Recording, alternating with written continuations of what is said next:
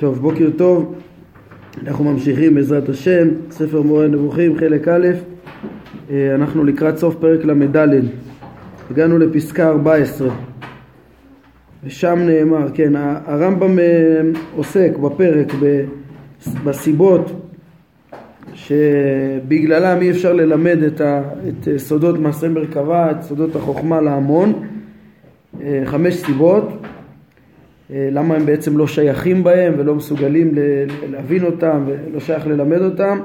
אז הסיבה הרביעית זה שאחד מהתנאים של החוכמה זה ההכנות הטבעיות. אנחנו עוסקים בסיבה הרביעית.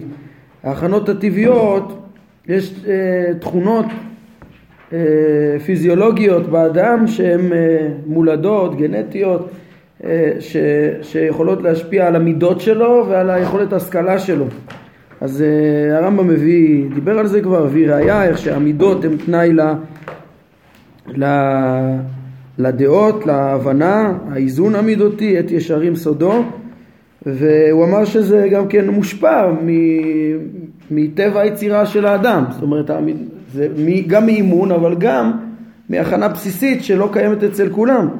ואז הוא התחיל להביא לנו ראיות גם אה, כן, על השלמות המידותית הנדרשת לסוד אז הוא הביא אה, שאין מוסרים את הראשי פרקים להשגת מעשה מרכבה אלא לאב בדין והוא שליבו דואג בקרבו.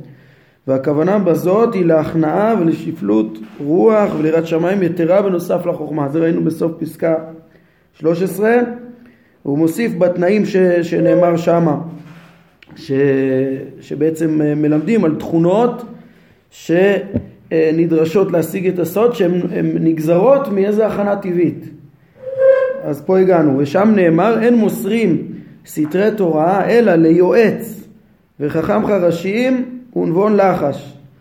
כן, שלוש אה, תכונות, מה הם? כן, אומר הרמב"ם, ולדברים האלה יש הכרח בהכנה טבעית כדי להיות יועץ. חכם חרשים ונבון לחש חייב הכנה טבעית שאין אותה לכולם, ממילא לא רבים החכמו. הרי אתה יודע שיש בבני אדם מי שהוא בעל כושר ייעוץ חלש מאוד, לא מסוגל לייעץ, להורות, להנהיג אחרים, לתת להם אה, צו והדרכה, כן, יש הרבה כאלה שלא טובים בזה, גם אם הוא בעל יכולת ההבנה הטובה ביותר. את ה... להבין הוא מבין טוב, אבל להסביר הוא לא יודע, ולתקשר עם בני אדם, לפעמים זה לא, לא הולך ביחד. כן, אז הוא חכם, אבל אין בו עצה. העצה זה במשמעות פה של הדרכה כנראה, כן? ויש מהם מי שיש לו עצה, דעה נכונה ויכולת הנהגה טובה בענייני אה, מדיניות, או, כן? אה, והוא הנקרא יועץ, זאת אומרת בענייני המדינה, החברה, מדינה פעם זה היה עיר, אה, כן, הנהגת, הנהגה חברתית, אז יש לו עצה, אז הוא יועץ, אבל אינו מבין אף מושכל. יש כאלה כריזמטיים, אבל לא חכמים, כן? והכל זה, זה, זה, זה תכונות וכישרונות, אה, מתחיל מכישרונות מולדים. אפשר גם לפתח את זה, אפשר גם לשנות, להשפיע, אבל, אבל זה קודם כל כישרונות. כן, אז יש כזה, כאלה שיש בהם את העצה, אבל אני לא מבין אף מושכל, גם לא הקרוב למושכלות הראשונים. המושכלות הראשונים זה הבסיס של ההיגיון המוטבע בכל אדם. וגם את המסקנה הכי קלה של להוציא מזה, אה, יש כאלה שלא יודעים לעשות, אלא הוא טיפש מאוד כן, ואין עצה עבורו, אין, אין פתרון להביא אותו, ל, ל, להדריך אותו, ל, להגיע לשיא השגת החוכמה.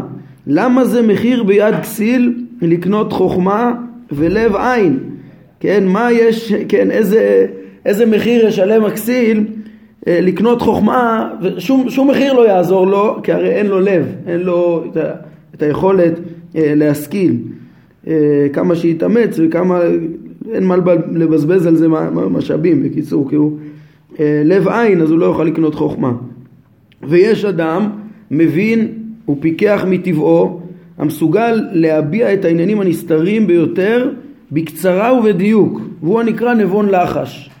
הוא יודע איך ללחוש את זה, איך למסור את האמיתות בצורה מדויקת אלא שיכול להיות שיש נבון לחש שלא יתעסק במדעים ולא קנה אותם זאת אומרת, יש לו יכולת, ל... אם הוא יבין משהו, הוא ידע להעביר אותו בצורה מדויקת, ללחוש אותו, כן, בקצרה בראשי פרקים, אבל אם הוא לא למד, אין לו בפועל את החוכמה, לא יעזור לו. ומי שיש בידו מדעים שנקנו בפועל, הוא הנקרא חכם חרשים. אמרו, כיוון שמדבר, נעשו הכל כחרשים. זאת אומרת, החוכמה אצלו היא, האמת בטהרתה, בדיוקה, ואי אפשר להשיב עליו. כאילו, כן.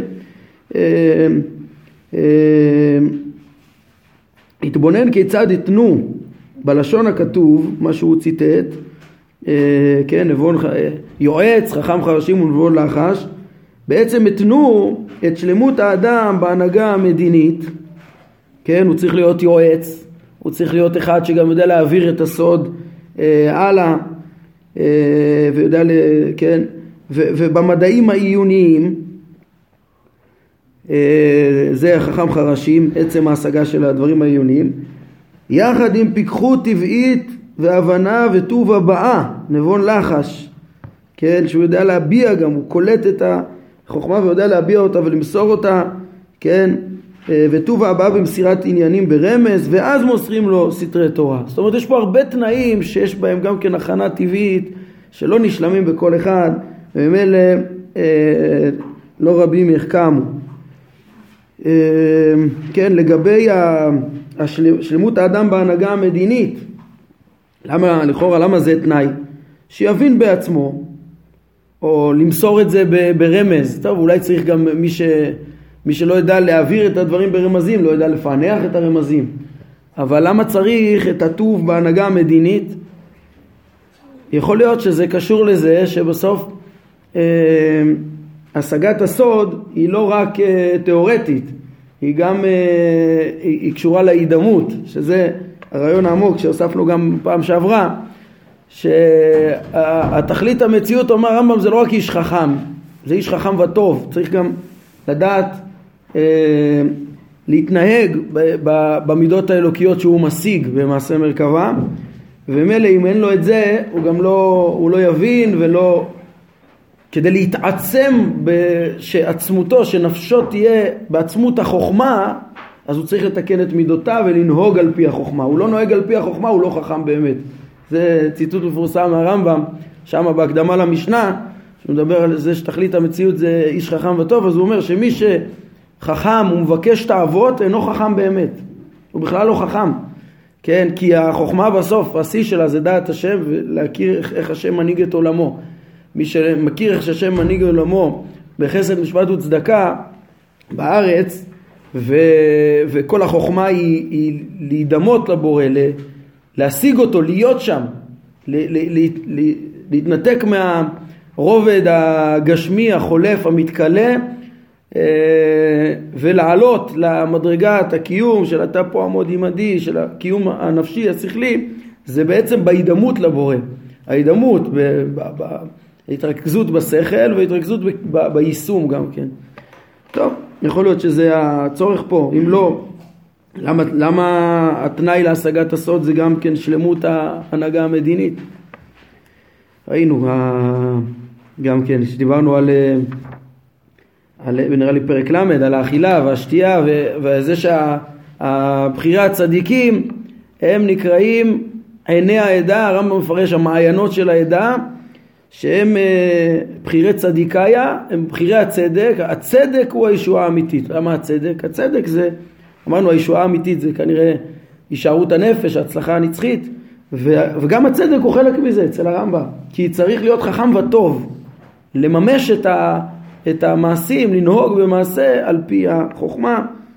בסדר, נמשיך, ושם נאמר, אמר לרבי יוחנן לרבי אלעזר, אתה לגמרך מעשה מרכבה, בוא נלמד אותך מעשה מרכבה.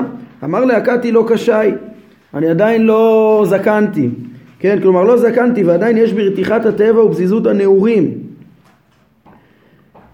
ראנה כיצד אתנו גם את הגיל בנוסף על אותן, על אותן מעלות, כן, והרמב"ם אומר, כמו שלמדנו כבר בעצם פה ב, ב, אתמול, בעניין הסיבה הזאת שבעצם הרתיחת הנעורים אם לא יהיה איזה איזון מידותי איזה יישוב הדעת איזה לא יהיה אפשר להשיג את החוכמה ואיך אפשר יחד עם זה יחד עם הרתיחת התוואים האלה לעסוק בדברים הללו אה, עם המון בני האדם כולם טף ונשים שאין להם את כל ההכנות הטבעיות אפילו אם יתאמנו להגיע ל... ל אה, אפשרות להשיג את הדברים העליונים האלו. עד כאן הסיבה הרביעית. הוא מדבר פה על אנשים שכאילו מראש לא יכולים להגיע לדבר הזה, או שאם הם יעבדו קשה למצוא, הם יצליחו להגיע? יש כאלה שיצטרכו עבודה, ועבודה אה, תאפשר להם להתגבר על איזשהו חוסר איזון מידותי, ויש כאלה שבכלל לא יכולים, ככה, כי, כי מראש ההכנה שלהם היא קיצונית, אז מבחינת עבודת השם שלהם, מבחינת מה שהשם שואל מאיתם, אז הם, אה, הם יכולים לעשות רצון בוראם. הם אה, אדם שיש לו נטייה לכעס, הגמרא קוראת לזה מזל מאדין, אז יהיה שוחט, יהיה מועל, יהיה יתעסק ב, ב, בדברים כאלה, אה, אז הוא, הוא ישלוט, הוא לא יחטא, הוא יעשה מה שהשם רוצה ממנו, אבל, אבל הוא גם לא יוכל להיות באיזון מידותי כדי להשיג את החוכמה. זאת אומרת, הוא יהיה צדיק כמשה, הוא יהיה. כמו שהרמב"ם אומר, כל אדם יכול להיות צדיק כמשה, הוא יעשה מה שנדרש ממנו מצד המחויבות המוסרית. אבל שלם, חכם כמשה, נביא כמשה, זה אי אפשר. זה לא רבים מחכמו, גם כי אין, אין את ההכנות. אמ, כן, הסיבה החמישית, העיסוק בצורכי הגוף, שהם השלמות הראשונה של האדם, כן, שאדם, עד עכשיו התרכזנו בשלמות האחרונה, השלמות האחרונה התכליתית של האדם, שלשמה הוא נוצר, זה בסוף הקיום הנצחי, שלמות הנפש. אבל כדי שתהיה שלמות הנפש, צריך לעסוק קודם בשלמות הגוף, יהיה גוף בריא. הרמב"ם מגדולי המחנכים לשמירת הגוף, שמירת הבריאות, תקינות הגוף, זה מעבודת השם. זה עבודת השם אבל כאמצעי לש, להשגת החוכמה, להשגת השם ולקניין הנצחיות של הנפש. זה השלמות הראשונה, שהיא שלמות, היא חשובה, קודם כל תקינות הגוף ובעקבותיה יכולה לבוא גם השלמות האחרונה. אז סוף סוף האדם בטבעו גם, כן, עד 120 הוא צריך לעסוק גם בשלמות הראשונה. זה, אתם זוכרים, הסיבה השנייה שאנחנו עוסקים פה למה לא כולם שייכים ולא כולם מסוגלים לסודות החוכמה, אז זה היה כי כל המין האנושי בתחילתו אין לו את השלמות האחרונה.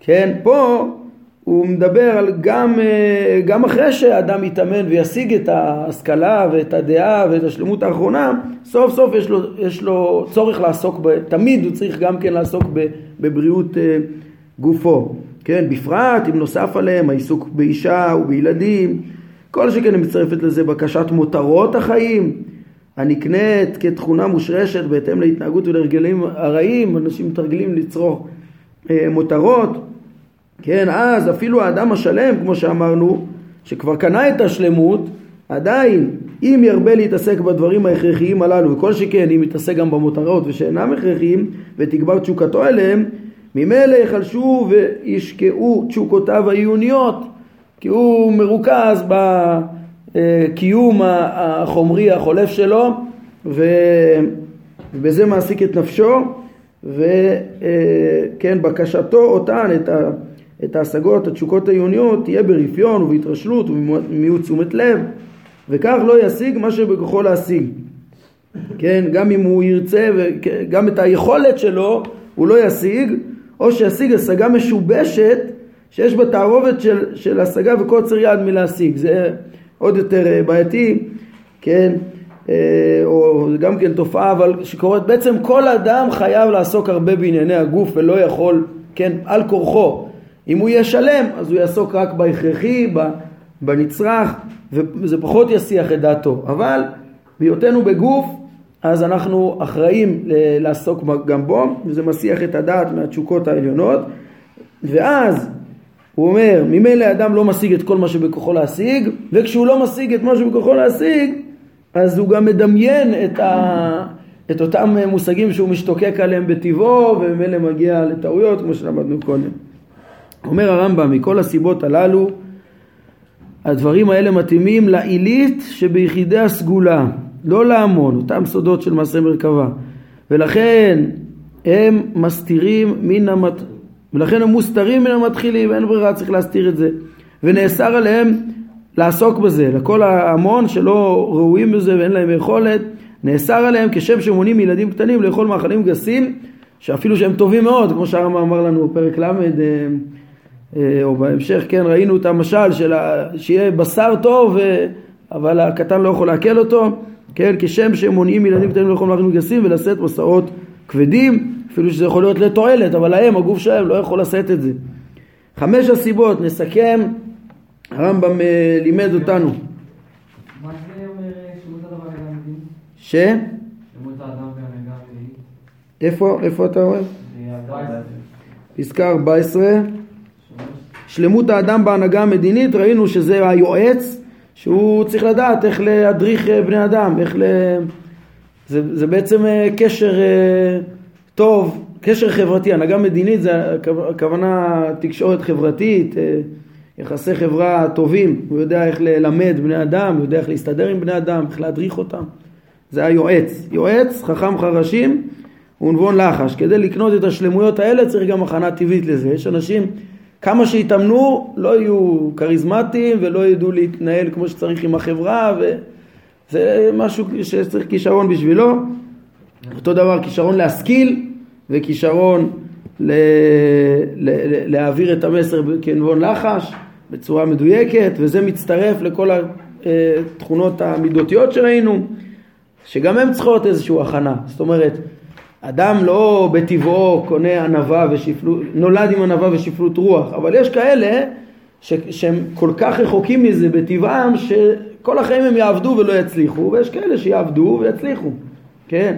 תודה, כמו בחוכמה, זה עוד יותר ברור לנו שיש אה, רמות רמות ש, ש, שאדם מקבל מראש והוא תלוי גם כמה הוא ילמד כדי שיהיה חכם חרשים בפועל וידע את החוכמה. אז מהם הסיבות? חמש הסיבות שבעצם מונעות מכלל הציבור להיות שייכים בסודות.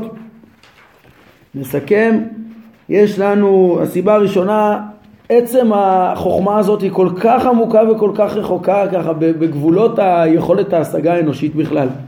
כן, גם אצל החכמים והיחידים, כמו שלמדנו בפרקים ל"א ל"ב, יש גבול לחוכמה וזה דבר עמוק. סיבה שנייה, כן, אה, כן, ברור שבלי הכנות שהאדם מגיע לשיא לא שייך בכלל לדבר על הדברים העמוקים האלה. אה, הסיבה השנייה זה שכל אדם אין לו את שלמותו מיד אז ברור שכל מי ש...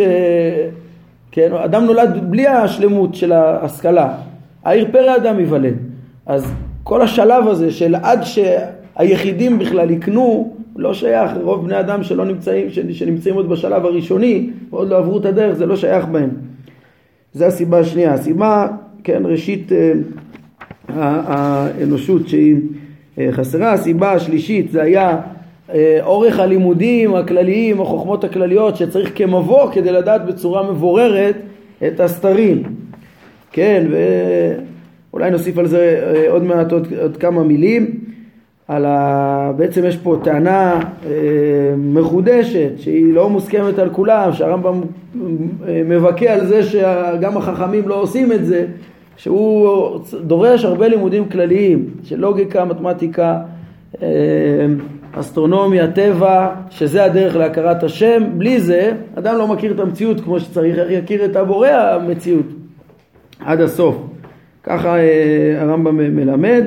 הסיבה הרביעית זה בעצם אה, צריך תכונות מולדות כדי לרכוש מידות ו- ו- ותכונות שמתאימות. זאת אומרת, הן מבחינת ההשכלה, אה, הן מבחינת התיקון המידות שנדרש בשביל אה, השכלה טובה, וזה מידות של תקשורת חברתית טובה ומידות שפלות ומידות נפש חיוביות, כן, הכנעה, שפלות רוח, יראת שמיים יתרה. כל הכישרונות האלו יחד עם הכישרון השכלי הם תנאי שקשור הרבה בהכנה טבעית שאין לכולם. גם אם כולם יכולים לעבוד את השם, להגיע לשיא שלמות, שלמים יש יחידים, כמו שהרמב"ם מדגיש את זה בהקדמה למשנה, שלמים זה תלוי גם בתולדה המקורית, שלא, כן, כמה כאלה אין בהם שום פגם, שום פגם גופני, שום פגם אינטלקטואלי, שום פגם מידותי, בטבע. אמ, זה משהו שהקדוש ברוך הוא, החוכמה האלוקית חייבה שיהיה יחידים אה, שלמים. הרמב"ם ככה תמיד הדגיש את השלמים האלה, את אברהם אבינו, את משה רבנו, קרוב אליו, הוא הדגיש את ה... הוא הריץ את אה, רב אייגאון, את הרימי געש, את, אה, את הריף, אה, כל פעם לקח דמויות, הם השלמים, יחידים כאלה שהוא הריץ אותם. סיבה חמישית, ראינו שהאדם ב, ב, מוכרח בטבעו לעסוק הרבה בצורכי הגוף ולהסיח דעתו וריכוזו העיוני מהסודות האלו.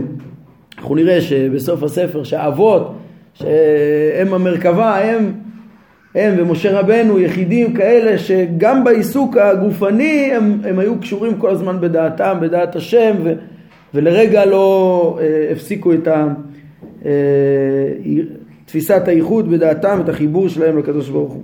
אבל זה חמש סיבות ואנחנו מבינים ממילא איך שכלל הציבור לא שייך בסתרים כל כך עמוקים, אם אין להם את ההכנות הטבעיות ולא את הלימודים המתאימים והעיסוק שלהם לא מאפשר את זה וכל ה... כן, ויקח להם זמן עד שיתקדמו ויהיו שייכים בדברים האלה. זה חמש סיבות, וממילא צריך להסתיר את הדברים האלו. אין, אין אפשרות ללמד אותם להמון, הם פשוט לא, אין להם את הכלים. כן.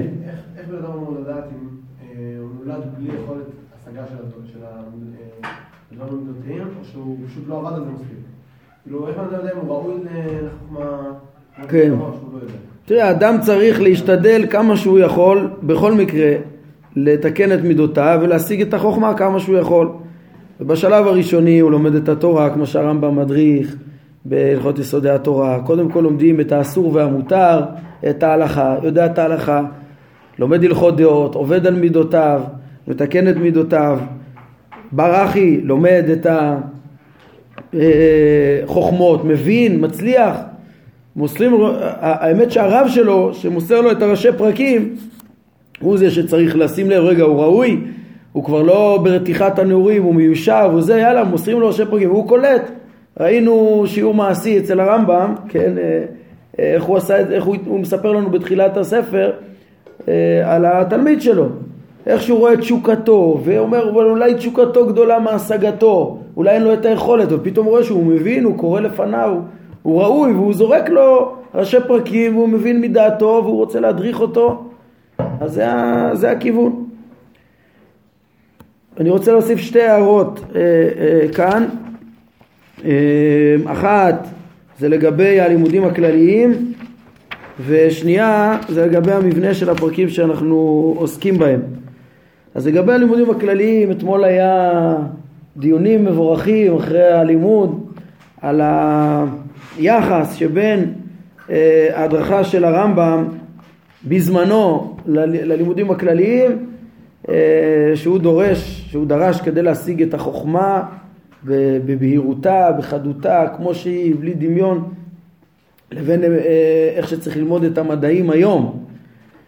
כן, גם מי שנאמן לדעת הרמב"ם צריך להכיר והוא מכיר, אם הוא נאמן לדעת הרמב"ם, שה, שהמדע השתכלל עוד המון המון מאז אה, אה, הידיעות שהיו בזמן הרמב"ם, ומה שפעם היה ברור שזה מופת והוכחות שכליות ומציאות ברורה, אפילו בחוקי הטבע ודברים יסודיים היום התבררו כלא נכונים ולא מדויקים, שהניסיון מוכיח את זה בלי שום ספק בכלל. וממילא היחס למדעים גם כן אה, השתנה. אה, אני חושב אבל ש, ש, שחשוב אז להדגיש פה שתי נקודות בעניין הזה. גם את השינוי וגם מה מדברי הרמב"ם אה, נשאר רלוונטי אה, למרות השינוי. כן, אז אה, אולי אחד הדברים המהותיים בשינוי זה שבזמן הרמב"ם, לפי המדע הכי עדכני והכי משוכלל שהרמב"ם היה מגדולי החכמים במדע הזה, אז, אז היה ברור להם שמתוך המציאות עצמה אפשר ל, ל, להוכיח, אפשר להכיר אותה כמו שהיא היטב את כל עקרונותיה, מעשה בראשית ומעשה מרכבה, ומתוך כך אפשר להוכיח בצורה ברורה את מציאות השם.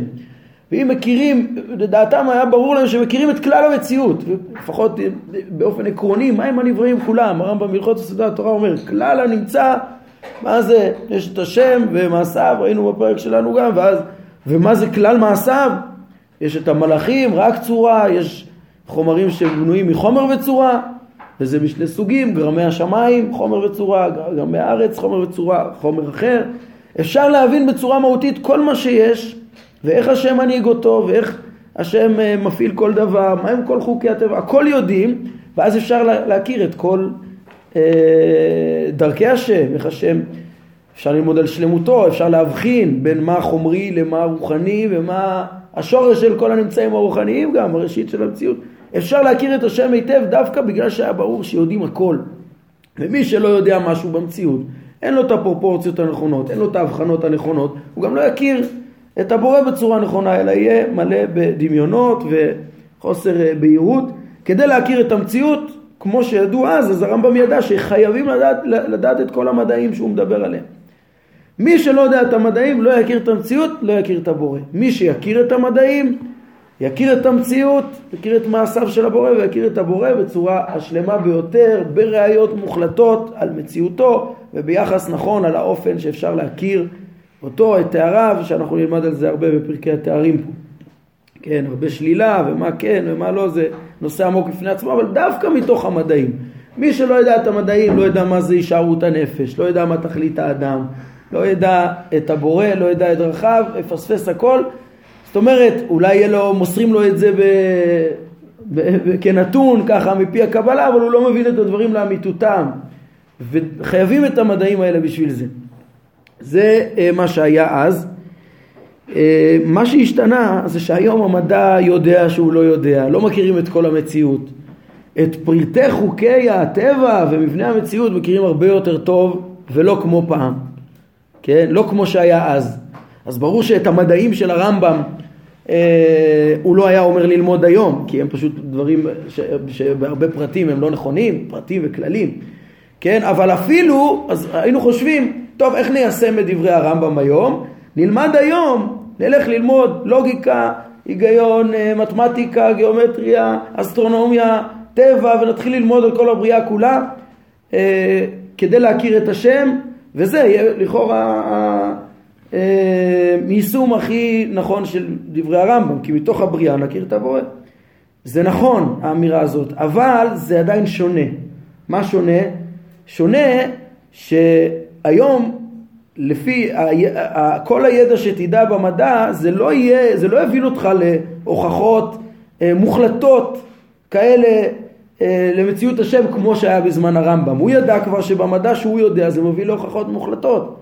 זה הרבה התבוננות בבריאה מלמדת על מציאות הבורא, החוכמה שבבריאה, שתבין אותה, זה מלמד על הבורא, אבל זה לא כמו אז כהוכחות מוחלטות ודרך יחידה. זה גם לא כמו אז שחשבו שיודעים הכל, היום יודעים שלא יודעים הרבה מאוד דברים, הרבה שאלות נשארות חידות, אפילו בפיזיקה, בהכרת המציאות ממש. גם זה יכול ללמד אמונה, כן? אבל זה שונה. זה, זה לא, על, על, על מצב כזה שבו הכרת המציאות היא, היא חוכמה ארוכה והיא לא בהכרח מובילה לאמונה כאיזה אחד ועוד אחד שווה שתיים ולא מאפשרת לך להקיף את כל הידע של הבריאה כדי להכיר איך שהבורא מנהיג את כל העולם, זה דברים שהשתנו, כן? אז עדיין, טוב, זה השינוי. אמרתי, צריך להגיד את השינוי, צריך להגיד למה זה עדיין, מה העקרונות שעדיין רלוונטיים, כן? תשימו לב, כבר היחס מאוד מאוד שונה, זה לא משהו הכרחי שכל אחד צריך לרוץ לעשות את זה ובלי זה הוא לא יכיר. אה, כל התבוננות במעשה ידי השם יכולה לעזור להכיר אותו ולהכיר את החוקים, זה מעיד על יוצרה וכולי, אבל זה לא אותו דבר שאני יודע את הכל ובהכרח וכולי. כל החוכמה יכולה לעזור, אז מה כן רלוונטי? רלוונטי שאחד הדרכים שלימדו חכמים מאז ומעולם, רב מאיר אמר, של להכיר את אה, הבורא זה מתוך מעשיו. ככל שנכיר יותר את מעשיו, נוכל יותר להתפעל מחוכמתו ולקלוט אה, משהו, כן, מה, מה, מהנעלם שאי אפשר להשיג, אבל הוא מקור כל החוכמה הזאת.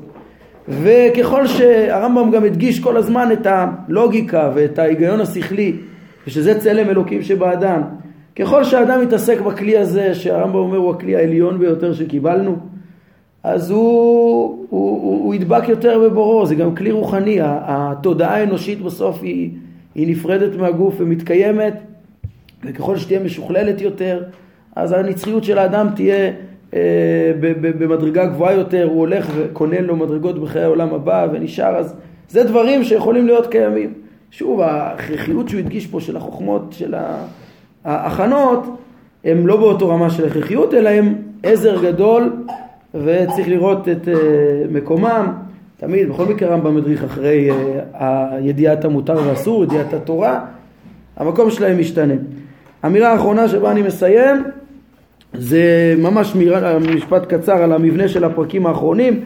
אנחנו עוסקים בסדרה של שישה פרקים, פרק, כן, פרק ל"א עד ל"ו, שהם אמרנו שהם כמו מאמר מוסגר כזה, שהרמב"ם דיבר על, על החוכמה בהשאלה של אכילה, אנחנו מדברים על מונחים אה, גשמיים שיש להם משמעויות מופשטות. ששייכים, אמרנו בחטיבה הכללית בפרקי המונחים, זה פרקים שיש בהם האנשה, ממדים של האנשה צריך, אה, כן אמרנו מכ"ח עד מ"ט זה החטיבה, אז אה, דיברנו שם על אכילה בין השאר, אחר כך נמשיך פנים ואחור וכולי, אה, ראינו רגל, ראינו, נראה עוד אה, דברים, עין, כנף וכולי, עוד כל מיני דברים שיש בהם האנשה והגשמה כזאת בהקשר הזה פתאום מופיעו לנו חטיבת פרקים. דיברנו על אכילה, אכילה גם במשמעות של אה, כמו שהאכילה מקיימת את הגוף, החוכמה, השגת החוכמה היא גם מכונה באכילה, ואז הרמב"ם דיבר גם על גבולות ההשגה.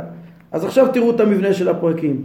ל"א, אה, אה, ל"ב, דיבר הרמב"ם על גבולות החוכמה, כי הוא אמר דבר כאילו מחודש, שלא פשוט לכולם. שכשכתוב על הדבש, אכול דייקה והרבות דבש לא טוב, אז הוא רצה להסביר מה זה הלהרבות, מה זה הגבולות שמעבר לחוכמה, ולאפוקה הוא אמר בסוף אה, פרק ל"ב, והפוקה כאלה שאומרים כאילו אה, את עצם החוכמה לא ללמוד, אל תלמד חוכמה. חלילה, אומר, צריך להכיר את הגבולות את ה... שמעבר ליכולת ההשגה האנושית. זה פרקים ל"א ל"ב זה על הגבולות של החוכמה. אחר כך ל"ג ל"ד זה מה שעכשיו השלמנו, זה שני פרקים שבהם, שבהם הרמב"ם מדבר על הגבול של החוכמה של ההמון, כאילו על ה... אחרי שהבנו ש, שמה שאי אפשר להבין לא, לא מתעסקים בו אפילו השלמים, אז הוא אומר בגלל זה התחייב שאת הסתרים אה, אי אפשר להסביר להמון, פרקים ל"ג ל"ד. למה, למה, למה הם לא שייכים בהם? מעבר ליכולת שלהם אי אפשר לדבר, אפילו שזה ביכולת האדם, אבל לפעמים זה רק יחידים ששייכים בזה. פרקים ל"ה ל"ו, אנחנו נראה שזה צמד שגם משלים פה את העניין, שאחרי שאתה אומר שההמון לא שייכים בחוכמה, אז מה, אז נניח אותם להגשים וכדומה, יאמר לנו הרמב"ם חס ושלום, יגיד לנו מה כן צריך ללמד את ההמון בעניינים האלה, למסור להם כנתון את מציאות השם והרחקת ההגשמה ואיך התורה מדברת וכמה זה חמור הרחקת ההגשמה ומה כן הכרחי ללמד אפילו את ההמון. בעזרת השם נראה את זה אה, בפעמים הבאות. נעמוד כאן להיום. ברוך אדוני לעולם, אמן ואמן.